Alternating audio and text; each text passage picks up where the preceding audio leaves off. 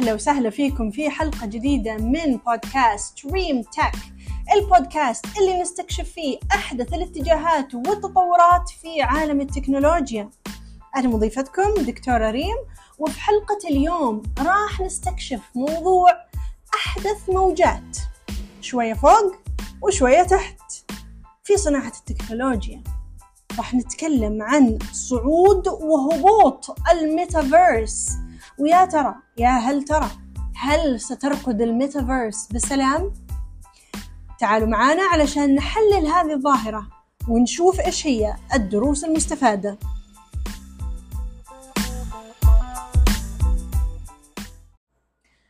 الميتافيرس مفهوم استحوذ على خيالنا. ووعدنا بتجربة واقع افتراضي مشتركة. الميتافيرس ما هو شيء جديد. وترجع جذوره إلى أفلام مثل فيلم Tron ومنصات مثل منصة The Second Life. لكن بالرغم من ذلك إعادة التسمية أو ال rebranding إلى Meta على يد مارك زوكربيرج هي اللي رجعت الميتافيرس إلى دائرة الضوء. طبعا كانت الإثارة الأولية وهيجان وسائل الإعلام ملحوظ بشكل كبير. كل أحد أراد أن يكون جزء لا يتجزأ من هذا الشيء الكبير التالي أو اللي نسميه the next big thing.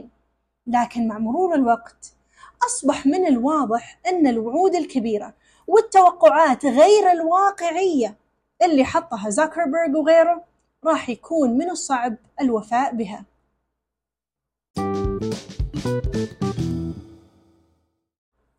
أحد العيوب الأساسية في الميتافيرس هو عدم وجود رؤية متماسكة وحالات استخدام واضحة.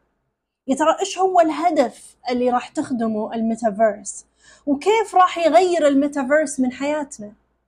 كل هذه الأسئلة ظلت بدون إجابات واضحة مما ترك المستخدمين والشركات أيضا في حيرة من أمرهم. وفوق هذا كله في حين أن الضجيج المحيط بالميتافيرس كان عالي لكن التقدم التكنولوجي الفعلي كان ضعيف. وهذا الشيء سبب اتساع الفجوة بين التوقعات وبين الواقع. أيضا أزمة الهوية المحيطة بالميتافيرس لعبت دور مهم. للأسف الشديد فشلت ميتافيرس في تمييز نفسها عن مفاهيم العالم الافتراضي الحالية.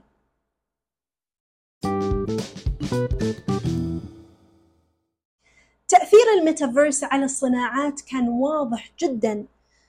شفنا كثير من الشركات سارعت لدخول فضاء الميتافيرس وهذا الشيء كان بسبب اللي نسميه FOMO أو fear of missing out أو الخوف من ضياع الفرصة.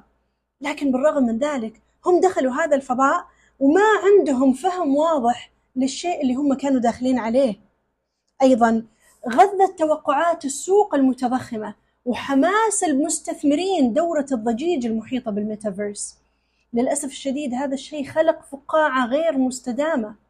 وأيضا المستخدمين اللي استخدموا الميتافيرس ما اعتمدوا هذا الميتافيرس مما سبب خيبة أمل كبيرة صدمت صناع التكنولوجيا. للأسف الشديد صرنا نشوف الحين أن بدون حالات استخدام واضحة وأساس متين شكل الميتافيرس ما راح يستمر.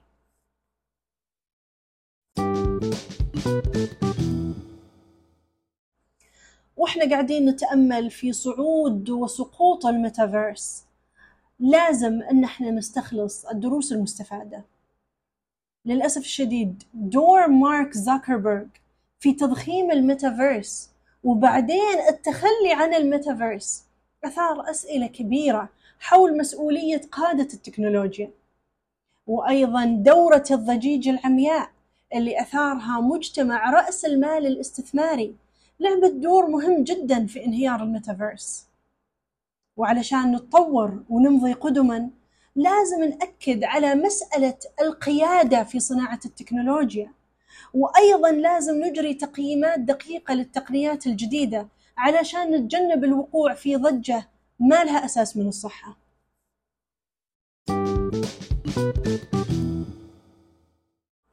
وبالرغم من أن الكثير يقولون أن الميتافيرس توفى أو زال. لازم إن إحنا ما نتغاضى عن إرث الميتافيرس. ولازم إن إحنا نكمل سعي وراء الخبرات الجماعية اللي اكتسبناها من تجربة الميتافيرس ومن تجربة العوالم الافتراضية بشكل عام.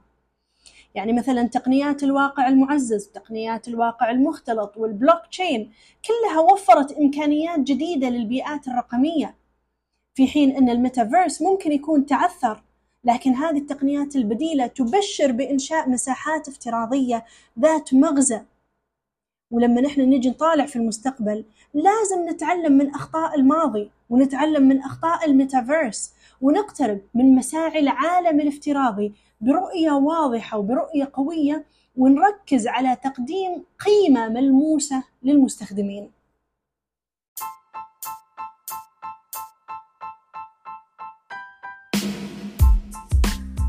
وبكذا نكون وصلنا لآخر حلقتنا اليوم من بودكاست Dream Tech اليوم استكشفنا صعود وسقوط الميتافيرس وفحصنا العيوب والعواقب وفكرنا في مستقبل العوالم الافتراضية.